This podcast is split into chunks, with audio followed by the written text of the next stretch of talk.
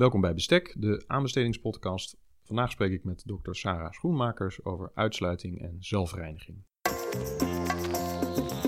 Welkom bij Bestek, de podcast voor de aanbestedingswereld. Deze serie biedt inzicht in onderzoek. Meester Dr. Willem Jansen van de Universiteit Utrecht bediscussieert de uitdagingen van het aanbestedingsrecht. Samen met zijn gasten gaat hij voor u op zoek naar oplossingen. Dit is Bestek, de aanbestedingspodcast.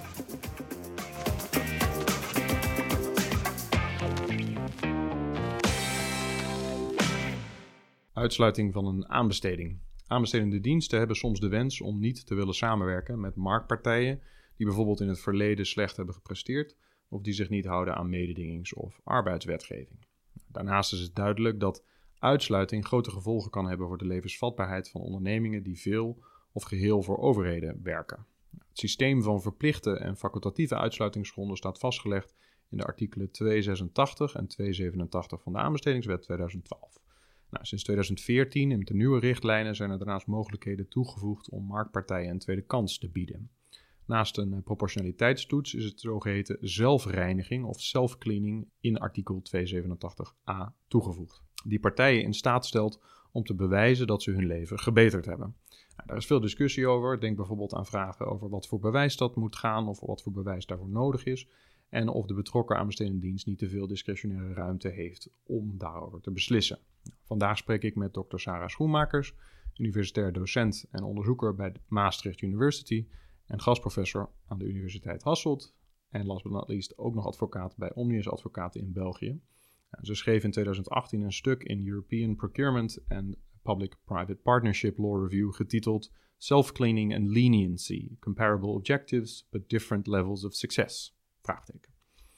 Nou, in dat artikel maakt ze een vergelijking tussen zelfreiniging binnen het aanbestedingsrecht en clementie binnen het mededingingsrecht. En nu er niet veel duidelijkheid en zeker dus ook niet veel jurisprudentie is over dit onderwerp, ben ik benieuwd naar haar gedachten over uitsluiting en zelfreiniging en is het dus tijd voor een podcast. Nou, welkom Sarah. Dag Willem. Uh, leuk om hier te zijn uh, uh, aan de Universiteit van Maastricht, Maastricht University. Um, om maar gelijk even met de deur in huis te vallen. Jouw onderzoeksterrein bevindt zich op het raakvlak tussen het mededingingsrecht het aanbestedingsrecht. En soms misschien nog een klein beetje staatssteun zelfs wel. Um, hoe ben je daar terechtgekomen? En, wat, ik ben vooral benieuwd naar wat jou nou fascineert aan dat, aan dat raakvlak tussen die verschillende rechtsgebieden. Ja, het, het materieel EU-recht, dat is voor mij altijd bijzonder interessant geweest. Als Belgische ben ik speciaal in Maastricht European Law School komen studeren.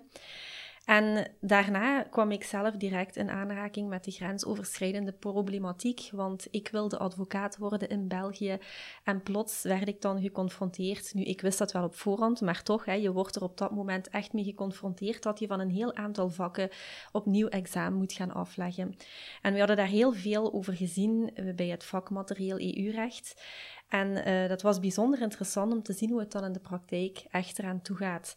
En ik heb dan vervolgens ook mijn doctoraat geschreven over het vrij verkeer van architecten. Er bestond al een doctoraat over het vrij verkeer van advocaten, waarin ik mij dan specifiek op uh, ja, de diploma-erkenning enzovoort ben gaan toeleggen, maar tevens op de contractuele aspecten. Dus kan het ook zo zijn dat als de, ja, het contractenrecht in twee landen verschillend is, dat dat ook een hinder op het vrij verkeer kan zijn in de bouwsector. En door zo met de bouwsector bezig te zijn geweest, ben ik gerold in het aanbestedingsrecht. Ook mede te danken aan uh, professor Schneider, die de vorige decaan was van onze faculteit. Uh, want zij maakte mij attent dat er een call was van de European Commission, de Europese Commissie voor uh, Jean modules. En dat was toen de uitgelezen kans om een vak aanbestedingsrecht op te zetten. Uh, eigenlijk uh, European Public Procurement en State Aid Law, omdat uh, zo'n vak bestond niet hier in Maastricht en ook in vele andere universiteiten niet. En zo hebben wij dan tijdens dat vak de link gelegd tussen het aanbestedingsrecht en het staatssteunrecht. en het staatssteunrecht is natuurlijk een van de vijf pijlers van het mededingingsrecht en konden we dat ook opentrekken naar mededinging in het algemeen. En kwamen we tot de vaststelling dat er bijzonder veel linken zijn tussen die twee rechtsgebieden, wat het heel interessant maakt om uh, te bestuderen. Ja, ontzettend leuk. Het is, ook wel, het aan de ene kant ook wel weer een beetje treurig om te horen dat er weer iemand is die niet zelf heeft gekozen voor het aanbestedingsrecht, maar er soort van is ingerold. Ik denk dat dat voor bijna iedereen geldt. die iets doet met aanbestedingsrecht. Aan de andere kant hoop ik altijd dat een nieuwe, een soort van nieuwe generatie studenten studeert aan universiteiten die dit soort vakken volgt. Hè. Dus die Jean Monnet-module waar je het over had, maar bijvoorbeeld ook bij ons in Utrecht uh, hebben we nu weer een nieuw vak over gunningsmethodieken. We hadden er al eentje over sociaal en duurzame aanbesteden. Dus ik hoop dat dat zo ervoor zorgt dat er misschien wat aanbestedingsjuristen ontstaan die niet altijd met een soort van schuldgevoel moeten vertellen. Ik weet niet of dat voor jou zo geldt, maar ik deed eerst iets anders en nu ben ik uh, dit gaan doen. Uh, doet overigens niet af aan jouw onderzoek of aan het enthousiasme wat je waarschijnlijk nu hebt voor dit, voor dit onderwerp. dank voor die, voor die introductie. Nou, zoals ik al zei, we gaan het hebben over uitsluitingsgronden en meer specifiek over zelfreiniging de Nederlandse memorie van toelichting verwijst wel naar schoon schip maken. Um, en uh, in het Engels wordt verwezen naar self-cleaning. Eigenlijk driemaal een vreselijke eh, manier om iets te omschrijven. Ik vind het vooral de Nederlandse term zelfreiniging en self-cleaning. zijn heel gekke Engelse termen eigenlijk. Maar laten we dat even laten voor wat het is. Um, kun je kort um, een introductie geven ten aanzien van hè, dat uitsluitingssysteem binnen het aanbestedingsrecht, het Europese en dus ook het Nederlandse aanbestedingsrecht. En misschien ook nog ingaan op waarom dat nou relevant is uh, binnen een wat bredere context. Ja, dus in het aanbestedingsrecht draait alles erom om de juiste kandidaat te vinden met het juiste voorstel. En de aanbestedingswet geeft daar een aantal mogelijkheden toe om daartoe te komen. Ten eerste heb je selectiecriteria, waarbij je gaat kijken welke aanbieder is nu vanuit een technisch oogpunt, een financieel oogpunt enzovoort, uh, in de mogelijkheid en in staat om een bepaald project uit te voeren. En de gunningscriteria die zien dan op het voorstel zelf. Hè, is dit voorstel een voorstel wat uh, kosten-baten technisch het meest gunstige is voor mij als uh, aanbestedende dienst. Maar vooraleer je daarnaar gaat kijken, zal een aanbestedende dienst eerst kijken of er geen uitsluitingsgronden zijn. Want dan wordt een kandidaat, iemand die dus mee wil doen aan een aanbestedingsprocedure, al direct uitgesloten van deelname omwille van bepaalde gebeurtenissen, praktijken die zij in het verleden hebben uitgevoerd. En uh, de Nederlandse aanbestedingswet kent, net zoals de Europese richtlijn, twee soorten van uitsluitingsgronden. De eerste zijn de verplichte uitsluitingsgronden. Die kan je ook terugvinden in uh, artikel 286.2 van de Nederlandse aanbestedingswet. En van groot belang daarbij is er dat er echt een veroordeling is geweest uh, via onherroepelijke rechterlijke uitspraak voor een aantal misdrijven die in de, in de, in de wet staan beschreven, uh, namelijk deelneming aan een criminele organisatie, omkoping, fraude, witwassen van geld, terrorisme, kinderarbeid en mensenhandel. Eigenlijk de ergste vergrijpen, hè? zo zou je het denk ik kunnen zien. Inderdaad, ja. En het is niet uh, alleen dat men dan uitgesloten wordt als het bedrijf als zodanig uh, schuldig zou zijn bevonden voor een van die misdrijven, maar ook als een bestuurslid of een leidinggevende dat heeft gedaan.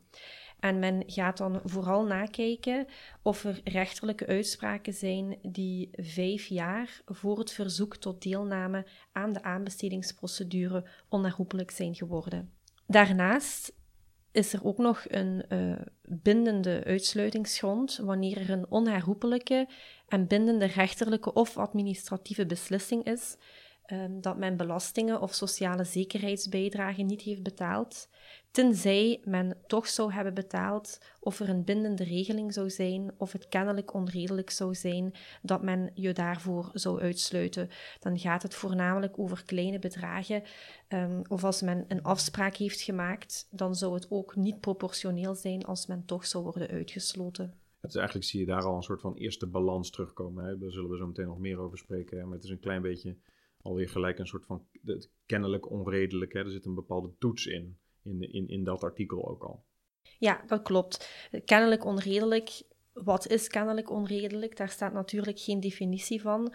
Um, maar we zien in de rechtspraak dat uh, als men zou worden uitgesloten voor het niet betalen van een klein bedrag, dat men dat vaak wel als uh, niet proportioneel wordt uh, bestempeld, aangezien uitsluiting toch wel een zeer zwaar sanctie is, omdat men dan voornamelijk ook de mededinging enorm beperkt. En als er minder mededinging is, dan is er normaal gezien de tendens dat de prijzen ook omhoog zullen gaan. Ja, en ik denk ook uiteindelijk in aanvulling dat ja, de gevolgen voor zo'n individuele inschrijver zijn natuurlijk ook gigantisch. Hè? Eh, zeker als je uh, dan, dat dan betekent dat je drie of vijf jaar helemaal niet meer aan de bak mag bij een bepaalde overheid en wellicht ook bij anderen.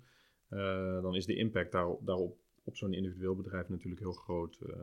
Ja, dat klopt. Anderzijds is er ook wel rechtspraak waarbij er wordt gesteld dat, ook al is het bedrag op zich maar heel erg laag, maar dat is het enige bedrag dat men betalen moet op een heel jaar en men betaalt dus 0 euro van de 300 bijvoorbeeld, dat dat dan wel uh, een ernstig vergrijp is, omdat men niet eens de moeite doet om toch met iets naar voren te komen.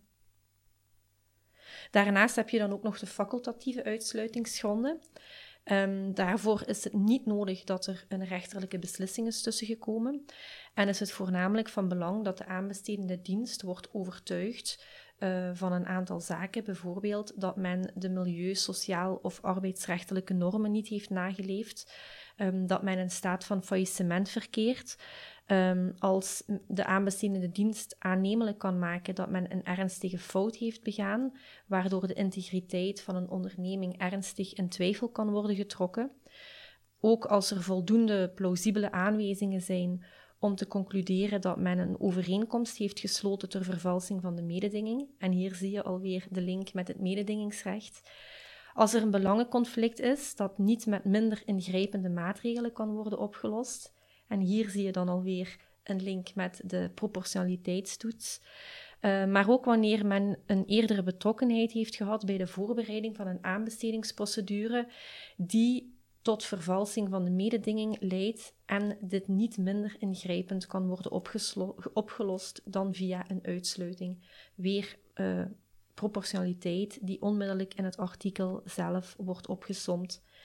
Dan heb je nog, als er een aanzienlijke of voortdurende tekortkoming is bij een eerdere overheidsopdracht en een vroegtijdige beëindiging, schadevergoeding of een andere sanctie die er is gevolgd. Als er valse verklaringen zijn bij het verstrekken van informatie die nodig is voor het controleren of de uitsluitingsgronden of geschiktheidseisen wel zijn nageleefd, of als men geen ondersteunende document toestuurt terwijl men dat wel moet doen, als men de aanbestedende dienst onrechtmatig heeft beïnvloed, als men niet voldoet aan de betaling van belastingen of sociale zekerheid. En het verschil hiermee met het voorbeeld wat ik daarnet gaf, is dat er dus hier geen uh, juridische beslissing moet zijn tussengekomen van een rechtbank. En voor deze facultatieve uitsluitingsgronden kijkt men normaal gezien naar feiten die drie jaar voorafgaand aan het verzoek tot deelname aan de aanbestedingsprocedure hebben plaatsgevonden. Uh, zowel bij de, um, bij de verplichte als bij de facultatieve uitsluitingsgronden kunnen er altijd uitzonderingen worden gemaakt voor dwingende redenen van algemeen belang. Je kan je bijvoorbeeld. Twee, Dat is de uh, 288 hè, in de Nederlandse aanbestedingswet. Ja, ja, dat klopt. Je kan je bijvoorbeeld voorstellen dat er misschien maar één bedrijf is dat een bepaald medicijn kan leveren en dit medicijn nodig is om te voorzien bij de staat als er een bepaalde epidemie is. Dan kan men niet zeggen, ja, nee, bedrijf, wij gaan jou niet nemen aangezien jij in een van de uitsluitingsgronden je bevindt. En ja, je vroeg mij daarnet naar het bredere kader. Waarom hebben we die uitsluitingsgronden nu? ja, je wil natuurlijk value for money. Ja? Je wil waar voor je geld en je wilt niet een contract gunnen aan iemand die niet betrouwenswaardig is. Dus het is wel inderdaad zo dat uitsluiting leidt tot minder mededinging, maar je hebt dan wel eerlijkere mededinging. En dat is toch vaak nog veel belangrijker, omdat je op lange termijn moet kijken: um, kan dit bedrijf eigenlijk mij geven wat ik nodig heb?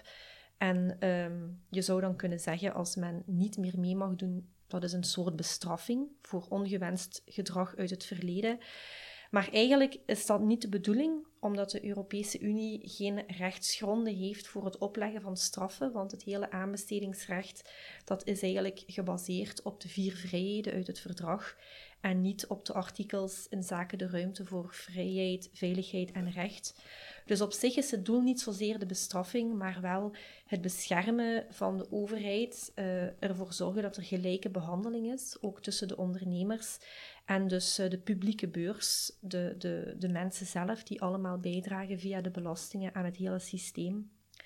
En op, uh, op lidstatelijk niveau kan men wel met een strafrechtelijke insteek dit toepassen, omdat de lidstaten natuurlijk zelf wel strafrechtelijke boetes enzovoort en sancties kunnen oplossen. Ehm, maar dan zou je nog kunnen zeggen dat uitsluiting eigenlijk disproportioneel kan zijn als je een bedrijf gewoon via een boete zou kunnen bestraffen. Dus ik denk, het gaat niet zozeer om bestraffing, maar het gaat voornamelijk wel om de voorkoming van nieuw ongewenst gedrag en dat kan je verwezenlijken op verschillende manieren. Je kan eigenlijk zeggen, we doen dat door het bedrijf in de gevangenis te plaatsen, zoals je dat met mensen doet. En dat doe je eigenlijk hè, met een uh, uitsluitingsgrond. Zorg je ervoor dat iemand niet meer in de game is, die kan niet meer meedoen. En uh, die kan dus geen nieuwe feiten meer plegen. En men kijkt dus naar het verleden en niet naar de toekomst. Je kan dat dan ook doen door het creëren van een systeem dat afschrikt, door schade aan de reputatie te bezorgen. Um, dat is wel, hierbij moet je dan wel opmerken dat dat niet nuttig is voor bedrijven die sowieso niet van plan meer zijn om aan nog een nieuwe aanbesteding mee te doen.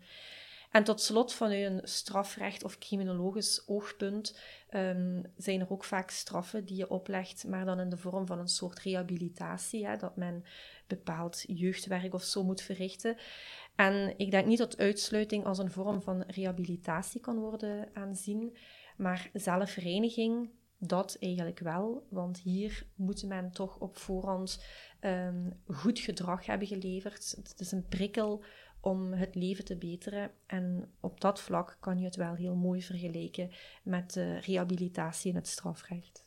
Ja, zeker. Nou, je komt eigenlijk op een heel natuurlijke wijze, dank voor die intro, uh, kom je uit ook bij dan denk ik 287a van de aanbestedingswet. Uh, want sinds 2014 lijkt er in het soort van in dat regelgevende kader vanuit Europa ten aanzien van die uitsluitingsgronden een soort van systeem te zijn ontstaan waar hoor en wederhoor centraal staat. Hè? Of dat nou tot uiting komt in, een, in proportionaliteit, wat je al een aantal keren uh, noemde, of nou expliciet in 287a ten aanzien van zelfreiniging. Uh, hoe, hoe zie jij deze ontwikkeling? Ja, in 2014 is dat inderdaad gecodificeerd ook in de Europese richtlijnen. Maar eigenlijk is dat niets meer dan gewoon een neerlegging van de rechtspraak van het Hof van Justitie, die er al was sinds 2005. Um, ehm, waarschijnlijk kon dat daarvoor natuurlijk dus ook al. Het is niet omdat het Hof het in 2005 voor het eerst heeft toegepast. Um, maar in de Fabricon-zaak heeft het Hof van Justitie gezegd dat echt gewone uitsluitingen blanket exclusions eigenlijk niet zijn toegestaan. De EU-regelgeving verzet zich daartegen. Uh, wanneer dus een bedrijf wordt uitgesloten van deelname of geen offerte mag indienen, zonder dat de mogelijkheid wordt geboden om aan te tonen dat in de omstandigheden van het concrete geval er uh, helemaal geen probleem was. Het ging in deze zaak om het feit dat de onderneming reeds ervaring had opgedaan door um, belast te zijn geweest met onderzoek, proeven, studie, ontwikkeling van uh, ja, het, het, soort van werken, leveringen of diensten waarop de aanbesteding betrekking had. Dan, uh, dan moet men toch altijd de mogelijkheid krijgen om aan te tonen dat in het concrete geval de mededinging niet uh, zou kunnen vervalst zijn door die opgedane ervaring. En dat is voor het eerst dat het Hof dat expliciet heeft uh, kenbaar gemaakt. Maar achteraf is dat nog uh, verschillende keren bevestigd. Bijvoorbeeld in de zaak La Cascina van 2005 heeft het Hof van Justitie bevestigd dat de EU-regelgeving er zich niet tegen verzet dat wanneer een ondernemer niet aan zijn verplichtingen in zaken het betalen van sociale zekerheidsbedragen en belastingen heeft voldaan, zijn situatie achteraf toch nog regulariseert, bijvoorbeeld door aan te tonen dat er bepaalde amnestiemaatregelen aan hem zijn uh, gegeven of dat hij een bepaalde regeling heeft bekomen tot spreiding of verlichting van zijn schulden of dat hij een administratief beroep heeft ingesteld, um, dan moet men dus ook op, in die gevallen de zelfreiniging eigenlijk toelaten. En ook in de zaak Michani werd dat nogmaals bevestigd in 2008, want daar heeft het Hof van Justitie gesteld dat er geen onweerlegbaar vermoeden mag zijn dat de hoedanigheid van eigenaar of aandeelhouder van een in de mediasector werkzame onderneming onverenigbaar zou zijn met de hoedanigheid van eigenaar of aandeelhouder of bestuurder van de onderneming waaraan door de staat een bepaalde aanbestedingsopdracht wordt opgedragen. Dus uiteindelijk zie je ook hier dat de macht van de media uh, een rechtvaardiging zou kunnen zijn tot uitsluiting, omdat men bang was dat een mediabedrijf heel erg veel publiciteit zou voeren, maar dan zou dat alsnog niet proportioneel zijn. En daar gaat het heel vaak om bij zelfreiniging. Oké, helder. In die zin wat dus interessant is, of wat je eigenlijk zegt is, uh, we hadden Fabricom, dat is een aantal keren bevestigd door het Hof van Justitie, dat er een bepaalde soort van tweeledigheid is tussen uh, hoor en, en, en wederhoor. Hè? Dus eigenlijk wat je zei, eh, je, je corrigeerde mij denk ik, uh, door te zeggen hè, dat regelgevend kader, dat is niet het startpunt. Er was al lang een ontwikkeling aan de gang, ook met die, de, de Assitourzaak denk ik, die daarna nog volgde. Um, als we dan eens wat verder inzoomen op uh, 287a, um, dan staat in de considerans bij de richtlijn, uh, het richtlijnartikel is dan artikel 57, uh, staat dan uh, wel moeten ondernemers de mogelijkheid krijgen om maatregelen te nemen die de gevolgen van strafrechtelijke inbreuken of fouten verhelpen en herhaling van het wanbedrag doeltreffend voorkomen. Hè, dat, nou, dan zie je heel duidelijk die gedachten van hoor en wederhoor uh, terugkomen.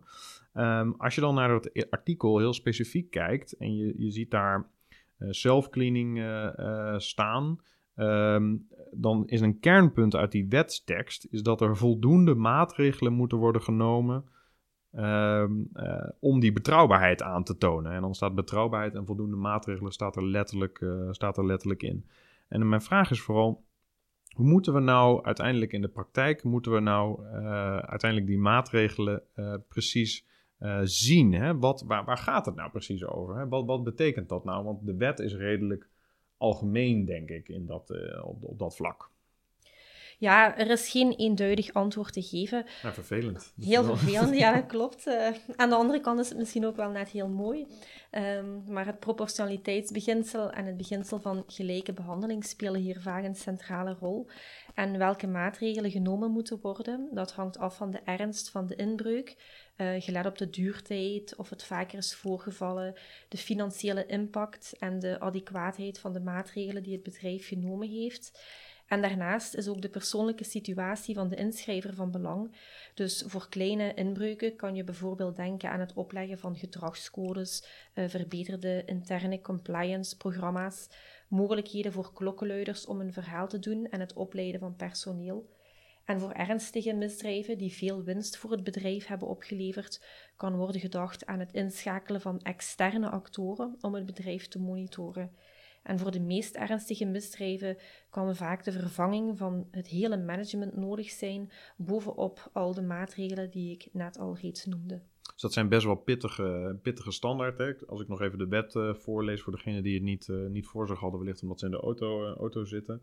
Als ik 287a lid 2 erbij pak, dan staat daar letterlijk voor de toepassing van het eerste lid, hè, dat is dan die zelf, zelfreiniging, toont de gegadigde of inschrijver aan dat hij voor zover van toepassing schade die voortvloeit uit, voortvloeit uit veroordelingen voor strafbare feiten.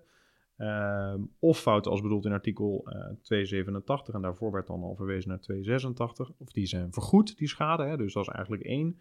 Um, en twee, dat hij heeft bijgedragen aan de opheldering van feiten en of omstandigheden door actief mee te werken met de onderzoekende autoriteiten en, en dat is dan nummer drie, dat hij concrete technische, organisatorische en personeelsmaatregelen heeft genomen die geschikt zijn om verdere strafbare feiten of fouten te voorkomen. Hè. Dat zijn eigenlijk precies die voorbeelden die hij gaf, die relateren allemaal aan dat, wat de wet uh, hier zegt. En, en kernpunt is inderdaad dat dus dan voldoende maatregelen altijd een soort van contextuele toets is. Hè. Uh, je moet simpelweg kijken naar de ernst, uh, naar bijzondere omstandigheden. Um, en dan moet dat vallen binnen die drie categorieën. Maar vooral en daar val ik altijd een beetje over. Wat zijn nou concrete technische, organisatorische personeelsmaatregelen? Anders dan bijvoorbeeld dat je iemand ontslaat. Hè? Uh, het blijft toch een beetje gissen, zeker voor aanbestedende diensten, om te kijken wat dat nou precies, uh, precies is. En dan kom ik eigenlijk op een, een volgend punt. Wat denk ik nou, het meest interessant, of dat vind ik het meest interessant, um, is dat nou uiteindelijk de, de, de discretionaire ruimte van, van, van, van overheden best wel groot is ten aanzien van de toepassing van het, dit uitgangspunt en, en zelfreiniging. als ik dan even terug ga naar je artikel, hè, je schreef zelf. other problems with self-cleaning relate to its unpredictability. Nou ja, dat volgt volgens jou uit de discretionaire ruimte die de overheid heeft. Ehm, nou, de Nederlandse wetgever hè, die is in ieder geval helder wanneer die stelt, uh, ja, gezien de diversiteit aan overtredingen en de te nemen vertrouwenwekkende maatregelen, is het onmogelijk om centraal vast te leggen welke maatregelen in het concrete geval voldoende zijn om alsnog te worden toegelaten tot een overheidsopdracht. De vertrouwenwekkende maatregel moet er in ieder geval wel op gericht zijn om redelijkerwijs herhaling van het delict te kunnen voorkomen. Nou, het is duidelijk, dat volgt denk ik vanuit de trend waarin de Nederlandse overheid uh, hier heel beperkt gehoor heeft gegeven eigenlijk aan wat de richtlijn zegt. Dus de richtlijn zegt in artikel 57 lid 7, de lidstaten bepalen bij wettelijke en bestuursrechtelijke bepalingen en met inachtneming van het Unierecht de voorwaarden voor toepassing van dit artikel. Nou, dan volgt er nog wat over die terugkijktermijn van, van, van drie, vijf jaar. Uh, of het daar wordt verwezen naar vijf jaar, Nederland kiest dan voor drie jaar. Um, en is vooral de vraag eigenlijk, uh, of denk ik de conclusie, dat de Nederlandse overheid er niet voor heeft gekozen om hier heel veel duidelijkheid uh, te bieden. Um, om in ieder geval niet die discretionaire ruimte verder in te vullen voor, voor aanbestedende diensten. Nou, dan ben ik benieuwd, hoe kijk jij daarnaar? Uh, het feit dat de Nederlandse overheid dus niet de handschoen oppakt. En dan bedoel ik eigenlijk de Nederlandse wetgever natuurlijk. Um, en de vraag is vooral, denk ik, wat doet dat dan met die intensiteit van die motivering die er volgt uit lid 3 van, van dit artikel wat we bespreken? Ja, dat zal ongetwijfeld leiden tot situaties waarin bepaalde ondernemingen soortgelijke feiten hebben gepleegd en vaak ook dezelfde zelfreinigingsmaatregelen hebben genomen en die dan bij de ene aanbestedende dienst worden uitgesloten en bij de andere niet. Um, en ook al is dat zo, denk ik dat het toch nog altijd wel een heel erg goede oplossing is. Ten eerste omdat elke aanbestedende dienst het beste weet welke risico's hij wenst te nemen. Kan ook vaak samenhangen met de kostenstructuur van de overheid maar ook omdat dat strookt met het subsidiariteitsbeginsel, waarbij beslissingen zo dicht mogelijk bij de burger genomen dienen te worden. Dus dat men dat laat aan het nationale niveau vind ik heel erg goed. Uh, maar wat je terecht stelt, is dat de Nederlandse wetgever daar eigenlijk weinig mee heeft gedaan. En je zou kunnen stellen dat het problematisch is dat bedrijven dan op voorhand nooit weten of ze goed genoeg bezig zijn geweest. Maar anderzijds is dat natuurlijk ook weer het hele wezen van het aanbestedingsrecht. Je weet ook nooit op voorhand of jouw voorstel het beste wordt bevonden. En dat deze onzekerheid er dan ook nog bij komt, is natuurlijk ook deels de fout van het bedrijf zelf. Want indien men de onbetrouwbare acties niet had ondernomen, zou men sowieso niet uitgesloten worden. Maar aanbestedende diensten dienen er wel altijd over te waken dat zij goed uiteenzetten waarom dat ze menen dat bepaalde zelfreinigingsmaatregelen niet voldoende zouden zijn. Want bedrijven kunnen hier namelijk in rechten tegen opkomen en men kan dan ook altijd politieke argumenten inroepen, uh, bijvoorbeeld vriendjespolitiek, corruptie, met als gevolg dat er dan minder uitsluitingen gaan zijn, omdat de aanbestedende diensten dan natuurlijk ook weer meer schrik krijgen om vervolgd te worden. Ja, dat doet wel stof. In ieder geval eh, tot op zekere hoogte zijn we denk ik helemaal eens. Ik ben, denk dat het heel goed is dat de Europese wetgever ruimte heeft gelaten aan de nationale wetgever. Aan de andere kant, eh, die inconsistentie die je zelf ook aan, aanstipt, dat kun je eigenlijk denk ik niet, uh, niet verklaren vanuit een soort van goed wetgeverschap. Hè? Want dat laat gewoon ongelooflijk veel ruimte. Dus ik zou zeggen, laat die keuze aan een aanbestedende dienst, maar bied wel meer invulling aan hoe ze die keuze moeten maken. Uh, want vanuit het perspectief van de inschrijvende kant is het eigenlijk niet te verklaren hè, dat je een, uh, bij de ene aanbestedende dienst voor een mededingingsinbreuk uitgesloten wordt en daar uh, dat, dat dat eigenlijk jouw zelfreinigingsmaatregelen ehm, niet worden geaccepteerd als voldoende. Hè. Wellicht heb je die manager die op een conferentie, een mededingingsrechtelijke uh, op mededinging schendende overeenkomst sloot, heb je wel ontslagen. En bij die andere wordt er een hogere eis gesteld dat je ook een hele structuurverandering van jouw managementafdeling, et cetera, protocollen had moeten aannemen. Dus daar zit een, uh, zeker een spanningsveld. Um, ik, ik, denk overigens inderdaad dat dat dan wel een, een zwaardere druk legt op, op die motiveringen. Die moet helder zijn en moet in ieder geval duidelijkheid uh, bieden. Maar dat kan uiteindelijk denk ik niet die hele inconsistentie denk ik wegnemen. Dus die, die, die, die discretionaire ruimte, dat blijft voor in ieder geval voor mij een pijnpunt. Ehm, maar aan de andere kant laten we ook niet te negatief zijn. laten we vooral gaan kijken naar wat zouden nou oplossingen kunnen zijn. Um, en dan wil ik um, uh, kort, denk ik, nog even starten met de vergelijking die je hebt gemaakt in jouw artikel tussen het, het, het ruimte bieden voor zelfreiniging binnen het aanbestedingsrecht. En daarnaast de vergelijking met wat is nou ja, de, de meerwaarde of wat kunnen we leren van een clementieregeling binnen het mededingingsrecht. Ja, en om in te haken op wat jij daarnet zei, waar ik het ook helemaal mee eens ben, is dat het natuurlijk heel moeilijk is hè, dat er zoveel discretionaire bevoegdheid wordt gelegd in handen van de aanbestedende dienst.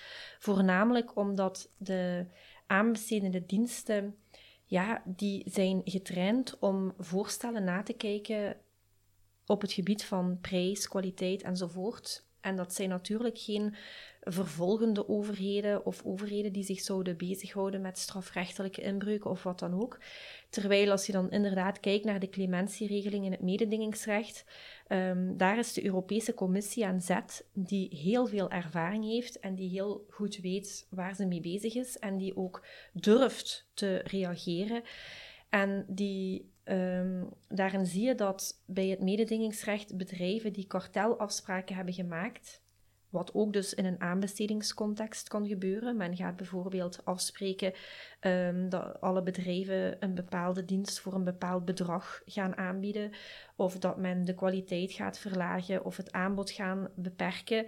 Je ziet ook vaak dat er beurtrollen worden genomen of dat men niet gaat bieden, zodat de markt kan worden toegewezen. Dat noemt men allemaal bitwigging. En dat heeft een negatieve invloed op de vrije mededinging, op de effectiviteit en de integriteit van het aanbestedingsproces. En wanneer we zoiets hebben in een mededingingscontext, dan zie je dat de Europese Commissie de nationale mededingingsautoriteiten en de nationale rechtbank aan zet zijn. En de commissies die kan erg hoge boetes opleggen en die heeft ook heel veel discretie. En de boete is dan vaak afhankelijk van de omzet, de ernst en de duur van de inbreuk die uh, heeft plaatsgevonden. En bij die clementieregeling kunnen bedrijven immuniteit krijgen of een vermindering van de boete die opgelegd wordt door de Europese Commissie wanneer zij echt meewerken. Um, daarvoor hebben we de befaamde leniency notice, de clementiemededeling, waarin staat dat wanneer je de eerste bent om toe te geven dat je deelnam aan een kartel, uh, wanneer je informatie verstrekt die de commissie dan toelaat een gericht onderzoek te voeren betreffende dat kartel, en de commissie niet al zelf voldoende informatie heeft gehad uh, hierover, en je werkt heel goed mee aan de, met, de, met de commissie, en je belooft ook dat je je medewerking aan het kartel zal stoppen, tenzij de commissie wil dat je nog mee, wil, mee blijft doen om meer informatie aan hun te kunnen geven.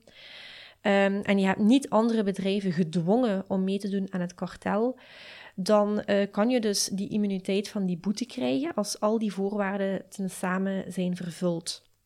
Je hebt dan wel nog altijd het risico dat uh, nationale mededingingsautoriteiten van derde landen je kunnen gaan onderzoeken, uh, dat je via het strafrecht of het privaatrecht aansprakelijk wordt gesteld. Maar in ieder geval, je krijgt een uh, vrijstelling van die boete en dat zijn gigantische boetes.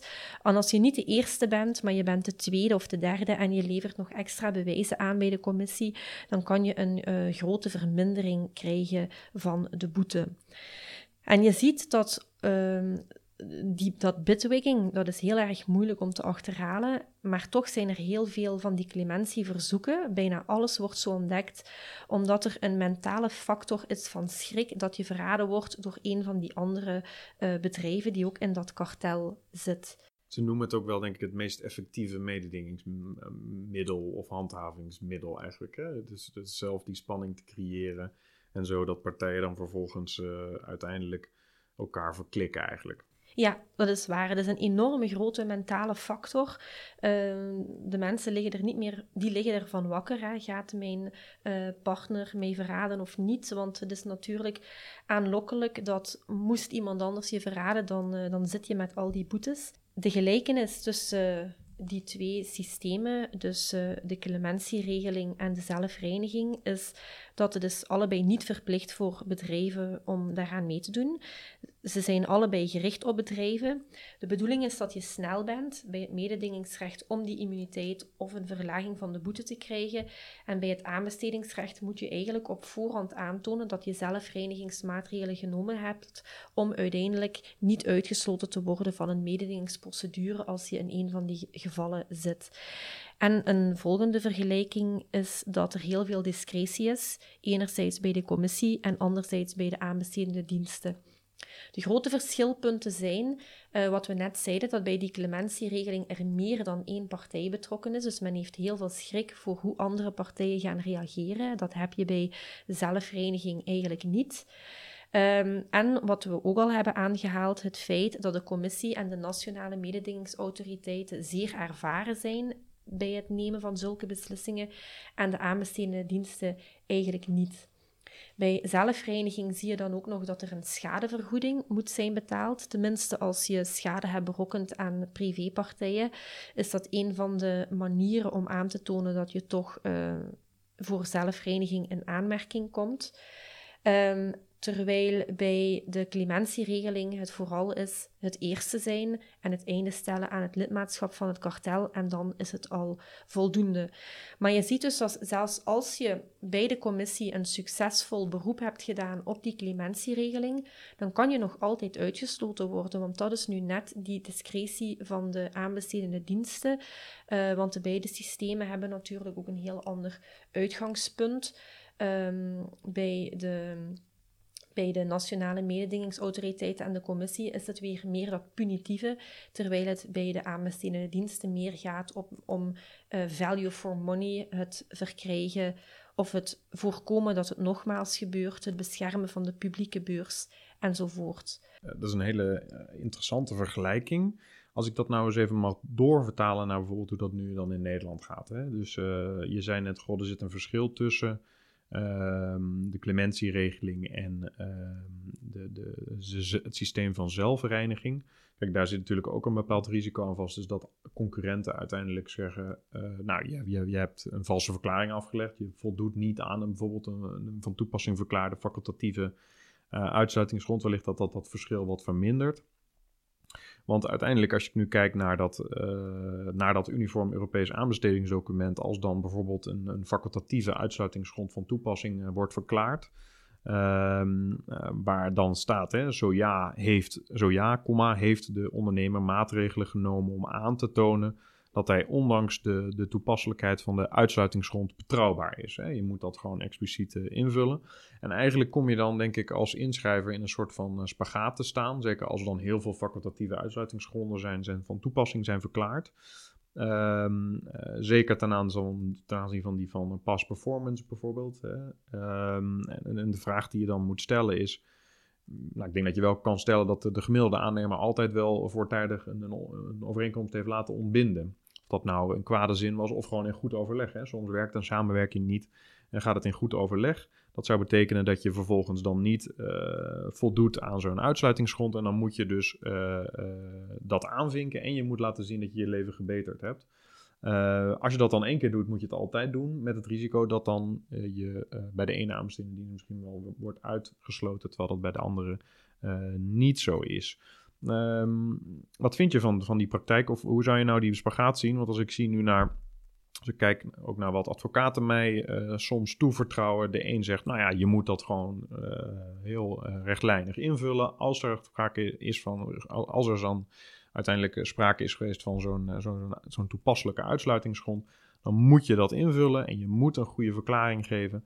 Aan de andere kant uh, denk ik ook dat veel partijen zullen denken: ik vul het gewoon niet in. Dat is dan misschien wel een valse verklaring, maar het risico dat ik uiteindelijk loop is uh, zo groot uh, om dan in de toekomst altijd te worden uitgesloten. En het risico is zo klein dat, er dat ze er uiteindelijk achter komen. Ja, dat is een soort van spagaat. Hoe, hoe zie je dat?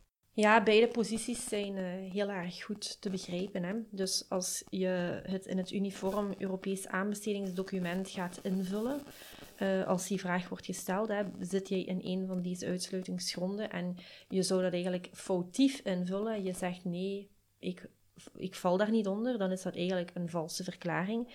En op zich is dat eigenlijk al een soort van onprofessioneel gedrag waarvoor ze je ook al zouden kunnen uitsluiten op zich. Hè? Dus niet alleen voor het feit wat je verkeerd hebt gedaan in het verleden. Maar ook voor het foutief invullen zou je kunnen zeggen dat op zich al rechtvaardigt dat je zou moeten worden uitgesloten. Bij de Wereldbank en bij de, bij, ehm, in de Verenigde Staten van Amerika, daar is het zo dat men in het verleden zou worden uitgesloten wanneer men zich in een van de uitsluitingsgronden bevond. Wanneer men dan zelf reinigende maatregelen nam, dan had men nooit de zekerheid dat men eigenlijk niet zou worden uitgesloten. En dat is een groot verschil met het systeem in de Europese Unie, want wanneer jij al de maatregelen neemt die je voor mogelijk kan bedenken en de aanbestedende dienst is ervan overtuigd dat dat goede maatregelen zijn en je terug te vertrouwen bent, dan hebben zij geen keuze meer. Dan moeten ze je uiteindelijk terug uh, mee laten doen. Dus op dat vlak hebben zij veel minder discretie dan wat men in de Verenigde Staten had. En men had altijd gedacht in de Verenigde Staten wel, als wij zo'n systeem hebben, hè, dan gaan heel veel mensen naar voren komen en uh, uiteindelijk aanbrengen, dit of dit heb ik verkeerd gedaan en die en die maatregelen heb ik genomen. Maar uiteindelijk was dat helemaal niet het geval. En er was bijna niemand die uiteindelijk uit zijn eigen beweging eerlijk ging zijn. En daarom heeft men in Amerika een nieuw systeem bedacht waarbij men zegt dat wanneer men zich dus schuldig heeft gemaakt aan een van die uitsluitingsgronden en men daar eigenlijk niet eerlijk over is, en wanneer men een onderneming is die uiteindelijk levert aan, de, aan het federale niveau, dan moet men uit eigen beweging sowieso altijd uh, zelfreinigingsmaatregelen nemen. Dus men moet internal compliance programma's hebben. Men moet ervoor zorgen dat alle uh, personeelsleden op de hoogte zijn van hoe het systeem werkt en dat men eerlijk en betrouwbaar moet zijn. Want als men dat niet doet, dat op zich al is een reden om je uit te sluiten. En ik denk dat dat eigenlijk in de Europese Unie ook zo zou kunnen gebeuren. Dat wordt nu niet zwart op wit in artikel 57 van de richtlijn vermeld. Maar eigenlijk lijkt er mij niets op tegen om dat ook een extra reden te maken, want het is ook een vorm van professioneel misconduct, hetgeen wel eigenlijk in artikel 57 staat. Dus op dat vlak, uh, vanuit, een, vanuit mijn uh, beroep als advocaat, begrijp ik het natuurlijk dat je de cliënt adviseert: vul het maar niet in, want uiteindelijk, wie gaat het ooit te weten komen? Hè? Bij mededinging, bij uh, aanbesteding zijn er niet meerdere partijen. Je kan niet tegen de lamp lopen. lopen. Te meer omdat we ook geen lijsten hebben, met, die worden bijgehouden. Dus het kan heel slecht uitkomen of heel moeilijk uitkomen. Dus vanuit dat oogpunt begrijp ik dat helemaal. Maar ja, dat wil je natuurlijk ook niet. Hè? Het systeem is natuurlijk gecreëerd om ervoor te zorgen dat men eerlijk is, dat men wel value for money creëert. En als men dan zomaar uh, alle regels naast zich neer mag leggen, want het wordt toch niet geweten, ja, dan kan je de hele zin van artikel 57 eh, van de richtlijn, zoals ook geïmplementeerd in de Nederlandse aanbestedingswet, gewoon naast je neerleggen. En dat is niet de bedoeling. Dat kan denk ik zeker niet, uh, niet de bedoeling zijn. Um, ik kijk ook eventjes naar, naar de tijd. We moeten een beetje gaan, gaan afronden. Misschien dat ik nog, ik wil er nog één aspect in ieder geval ook, ook meenemen. Of in ieder geval, omdat ik denk dat dat relevant is ook voor de discussies die we nu, denk ik, op, in Nederland voeren over uh, een, uh, wat is nou de toegevoegde waarde van een register ten aanzien van bijvoorbeeld uh, past performance of, of dit soort vergrijpen, ehm, waarin al dit soort aspecten worden vastgelegd om aanbestedende diensten te helpen. Hè. Dat is dan vaak het idee. Nou, daar zitten veel vraagstukken aan vast.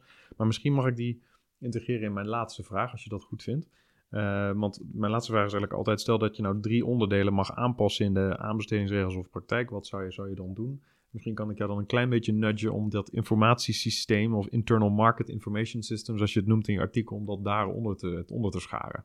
Ja, um, wat ik zeker zou aanpassen in het algemeen, los van de praktijk of zo, is dat er meer nadruk gaat worden gelegd op de belangrijkheid van het rechtsgebied en ook op de links met de andere rechtsgebieden. Aanbesteding, dat is overal. Dat gebeurt bij de publieke sector, bij de private sector. Dus alle niveaus van de maatschappij zijn betrokken. Dat zie je ook aan, het, uh, aan de enorme bedragen die hiermee gemoeid zijn. Het heeft linken met alle mogelijke rechtsgebieden. We hadden het vandaag over mededingingsrecht, maar ook met contractenrecht, met strafrecht. Daar hebben we ook over gehad vandaag. En toch zie je dat op heel veel universiteiten het zo precies zo een niche-markt is. En daar moeten we zeker vanaf. En ehm, in de praktijk is het natuurlijk heel erg belangrijk, maar ik zou ook willen en dat is wat je ook aan het begin bij vraag 1 al aangaf. Hè. Ik ben er maar via via ingerold uiteindelijk. Um, omdat ik zelfs niet eens wist wat aanbesteding betekende. Ik ben dat aan, ik moet de eerste keer moeten gaan opzoeken in het woordenboek. Ik had dat als student nooit gehad. Maar ik denk dat we nu wel een generatie van studenten hebben die heel goed op de hoogte zijn van wat het inhoudt, hoe belangrijk het is. En dat is dus mijn eerste uh, aanbeveling eigenlijk om dat door te zetten, die trend. En mijn tweede aanbeveling is dat we de aanbestedende diensten meer zouden moeten professionaliseren. Ik denk dat de personen die daar werken ongelooflijk goed zijn. Uh, ongelooflijk ehm, goed in hun werk, voornamelijk wat betreft de prijs, de kwaliteit en alles wat daarmee samenhangt. Um, maar ik denk dat er daar nog meer moet gebeuren om de mensen extra te trainen, ook om uitsluitingsgronden beter te kunnen beoordelen, om dat ook te durven beoordelen. Want je kan wel zeggen, de mensen zijn al heel erg goed op de hoogte, dat kan wel zijn. Maar je ziet toch in de praktijk dat men bijna nooit durft om iemand uit te sluiten, omdat men bang is dat men een verkeerde beslissing heeft genomen achteraf. En als derde aanbeveling, en die hangt een beetje samen met de vorige, is inderdaad dat ik denk dat er meer informatieuitwisseling moet zijn over de grenzen heen. Um, en ik denk dat dat helemaal niet zo moeilijk moet zijn in het aanbestedingsrecht, want we kennen dat al op andere gebieden van het Europese recht. We hebben bijvoorbeeld het Internal Market Information System, het informatiesysteem van de interne markt. Um, dat vooral wordt toegepast wanneer we het hebben over diploma-erkenning, uh, wanneer men bepaalde werkzaamheden, beroepen uitoefent en men bepaalde fouten pleegt, dan kan men via dat systeem, ja, eigenlijk moet men via dat systeem uh, telkens een beslissing doorgeven wanneer men de toegang tot een bepaald beroep voor een persoon beperkt omdat men een bepaalde fout heeft gepleegd. Dus dat wordt verplicht gesteld in de richtlijn betreffende de erkenning van diploma's, de professionele kwalificatiesrichtlijn. En ik denk dat er geen enkele reden is waarom dat we dat ook niet verplicht kunnen stellen bij de aanbestedingsrichtlijn. Het is nu een mogelijkheid, die wordt voorzien in richtlijn 2014-24, maar ik denk dat we daar nog veel meer mee kunnen doen. Ehm, de mogelijkheid is er, maar er is eigenlijk tot nu toe nog weinig mee gedaan. Misschien is er al veel mee gedaan, maar het is in ieder geval niet kenbaar gemaakt. Er zijn geen publicaties over of wat dan ook. En daar kunnen we echt nog heel veel voordeel uithalen, zodat we telkens weten wanneer een bepaalde onderneming ergens tegen de lamp is gelopen, dat die dan niet zomaar tussen de mazen van het glip, tussen de mazen van het net kan doorglippen in andere lidstaten of bij andere aanbestedende diensten. Drie mooie uh, aanbevelingen. In die zin, uh, ik kan natuurlijk alleen maar de nadruk van het rechtsgebied onderschrijven. Dat is misschien een beetje flauw. Dat is een beetje prikken voor eigen kerk natuurlijk. Uh, ik denk die, die professionaliseringsslag, is, dat is altijd zeker een, belangrijk punt. Ehm, ja, het register, ik ben daar minder een fan van. In die zin dat ik toch echt twijfel aan hoe je dat nou in de praktijk dan heel goed kan opzetten. Um, vooral ten aanzien van, uh, ja, wat doe je nou als je er eenmaal op staat? Uh, hoe, hoe kom je erop? Hè? Is, dat dan, is dat dan de discretionaire ruimte van zo'n aanbestedende dienst? Waar we net vaststelden, ja, dat is best wel problematisch. Want uh, ja, er is veel ruimte. Hè? Natuurlijk zijn er ook argumenten tegen te bedenken. Maar er is veel ruimte, dus er is ruimte ook voor foute beslissingen. Kom je door zo'n foute beslissing op in zo'n register te staan, kun je daar dan nog tegen in beroep. Um, want de gevolgen kunnen groot zijn, omdat je inderdaad Um, ook als, zeker als andere aanbestedende diensten dat ook uh, mogen gebruiken. Hoe lang blijf je op zo'n lijst staan? Nou, dat zijn allemaal vragen die contextueel zijn. Um, en denk ik die nog wel beantwoord zouden moeten worden voordat je uh, zeker op Europees niveau zo'n register zou kunnen instellen. Maar ik denk dat dat eigenlijk ook al geldt voor de, voor de lidstaten. Maar misschien is dat een mooie reden om ooit een keer uh, samen een stukje te gaan schrijven. Het is in ieder geval leuk als je het in het begin oneens bent. Hopelijk zijn we dan aan het einde wel, wel eens. Um, ik wil jou hartelijk danken voor, jou, uh, voor jouw bijdrage in deze podcast vandaag. Ik denk dat er zeker nog het laatste woord daar niet over gezegd is. al is het alleen maar omdat ik weet dat de Nederlandse Vereniging voor Aanbestedingsrecht momenteel bezig is met het schrijven van een, een preadvies. Dat is een hele coöperatieve actie eigenlijk. Dus ik zeg de vereniging, maar dat is een werkgroep binnen die vereniging onder het voorzitterschap van, van Janet Meesters. En zij uh, hebben hem recentelijk gepresenteerd, een conceptversie. En aan het begin van volgend jaar, dus begin 2020, uh, pin mei, maar zeker ook de werkgroep daar niet op vast. Um, uh, lijkt dat definitieve rapport te, gepubliceerd te gaan worden. Um, en daar zullen ze zeker denk ik ook een aantal van de vraagstukken die we vandaag hebben besproken, hopelijk verder, dat ze dat verder zullen gaan uit, uitdiepen. Um, nou, we, zijn, we hebben gekeken naar die uitsluitingsgronden, naar zelfreiniging, de discretionaire ruimte van overheden. Uh, wanneer is er nou ja, wel invulling, wanneer is er meer onduidelijkheid? En ik, nogmaals, ik wil je daar hartelijk uh, voor danken. En uh, ik denk dat dit in ieder geval de laatste podcast van 2019 zal zijn. In 2020 ga ik natuurlijk door met de podcast en ehm, zit ik te overwegen uh, om wellicht ook wat Engelse eh, afleveringen op te nemen met buitenlandse onderzoekers. Maar daarover uh, uh, wellicht wat meer in het, in het volgende jaar. dank voor het luisteren. Dit was Bestek, de aanbestedingspodcast.